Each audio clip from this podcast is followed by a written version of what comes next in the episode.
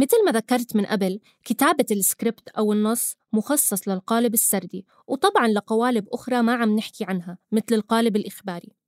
المهم إنه غير مطبق بالقالب الحواري.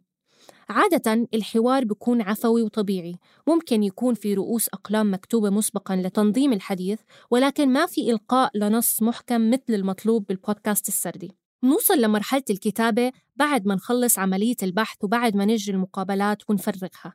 يعني بتبلش العملية مكان ما وقفنا بالحلقة الأخيرة لما كان عنا مجموعة من الاقتباسات غير المنظمة واللي بتحتوي على فراغات عديدة.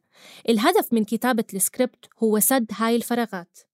بهاي الحلقة رح نحكي عن أنواع الجمل اللي ممكن نستخدمها لسد الفراغات. طبعا في جمل كتير أكتر من اللي رح أذكرهم ولكن رح أركز على الأنواع اللي رح تستخدموها بكثرة.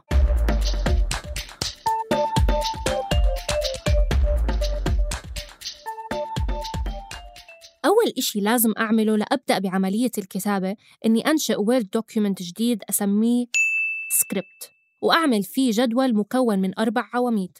العمود الأول بسميه النص الثاني المتحدث الثالث الوقت والرابع الموسيقى والمؤثرات الصوتية. بإمكانكم تلاقوا نموذج مرئي بوصف الحلقة ممكن يساعدكم تفهموا الفكرة أكثر بهذا الملف ببلش أنقل جميع الاقتباسات من كل المقابلات اللي عملتهم وبحاول أرتبهم بحسب الترتيب اللي متأملة ينسمعوا فيه. يعني مثلا لو حابة أحكي عن آثار الكيماوي على أهل المريض قبل ما أحكي عن آثاره على المريض نفسه باخد اقتباس آدم وهو عم بحكي فيه عن أهله وبحطه بصف قبل الاقتباس اللي بحكي فيه عن نفسه حتى ولو خلال المقابلة كان التسلسل مختلف. الحلو بالقالب السردي إننا مش محكومين بالوقت الفعلي للمقابلة نفسها. ممكن نقطع الأجزاء ونعيد ترتيبها على هوانا. وإذا حابين ندخل صوت ضيف تاني ممكن نرتب الصوتين ورا بعض على حسب الموضوع. يعني لنفترض إني أخذت اقتباس من مقابلتي مع عبير المعالجة النفسية وهي عم تحكي لي عن آثار الكيماوي على الأهل. هون أنا بنقل اقتباسها لعند اقتباس آدم اللي بيحكي فيه عن نفس الموضوع. طبعا الانتقال ما بين صوت آدم وعبير بيحتاج لنوع من التعليق من المقدم لحتى تكون النقلة سلسة ومنطقية. هون بيجي دوري ككاتبة إني أربط ما بين الأفكار المختلفة اللي تم طرحها خلال المقابلات من خلال استخدام جملة بتقوم بربط المفاهيم. يعني بحالة آدم وعبير ممكن أكتب جملة بتذكر الاختلاف أو التشابه ما بينهم. مثلا مثل آدم الأخصائية عبير بتعتقد إنه واحد اثنين ثلاثة. ولما أكتب هاي الجملة بكتبها طبعا بعمود النص وبعمود المتحدث بكتب voice over وخانة الوقت بتركها فاضية كدلالة إنه هذا الجزء غير مسجل وسيتم تسجيله فيما بعد من قبل المقدم أو المقدمة.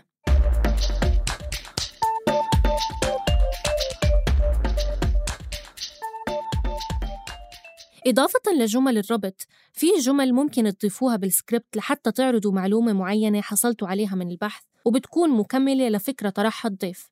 فمثلا بعد ما أستخدم الاقتباس اللي بيحكي فيه آدم عن الاسم الطبي للكيماوي اللي بياخده ممكن أضيف جملة على لسان المقدم أذكر فيها ولو سريعا أنواع الكيماوي المختلفة والفروقات ما بينها. وممكن بعد هاي الجملة أحط اقتباس من عبير وهي عم تشرح عن المواد الكيماوية الموجودة بكيماوي آدم واللي بتشكل خطورة على المريض. إضافة لجمل الربط والجمل المعتمدة على المعلومات في جمل ممكن نستخدمها لتأكيد فكرة طرحها الضيف كنوع من تعزيز أهمية الفكرة.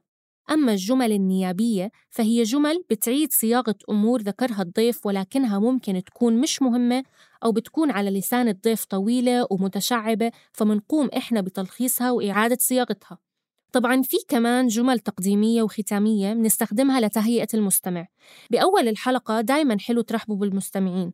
تعرفوهم عن حالكم وعن فكرة البودكاست. هاي المقدمة يفضل تكون نفسها بكل الحلقات لحتى تنخلق هوية سمعية للبرنامج تميزه عن غيره. وبالنهاية ممكن تذكروا استنتاجاتكم أو تلخيص سريع للقصة وأكيد لابد إنكم تذكروا أسماء فريق العمل.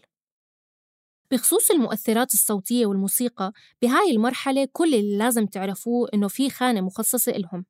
لما نحكي عن الصوت رح نحكي أكثر عن طرق البحث المستخدمة لإيجاد الموسيقى والمؤثرات المطلوبة.